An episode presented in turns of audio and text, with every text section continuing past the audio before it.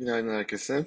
Ee, dün hisse senedi piyasalarında kurdaki yaşanan volatiliteye rağmen genel olarak alıcılı bir seyir hakimdi. Ee, yurt dışı piyasalarda şu anda satıcılı bir seyrin gözlemlendiği bugün e, piyasaların gözü kulağı saat 14'te açıklanacak Merkez Bankası faiz kararında olacaktır. Ee, piyasa beklentisi burada 100 bas puan faiz indirme e, yapılması yönünde.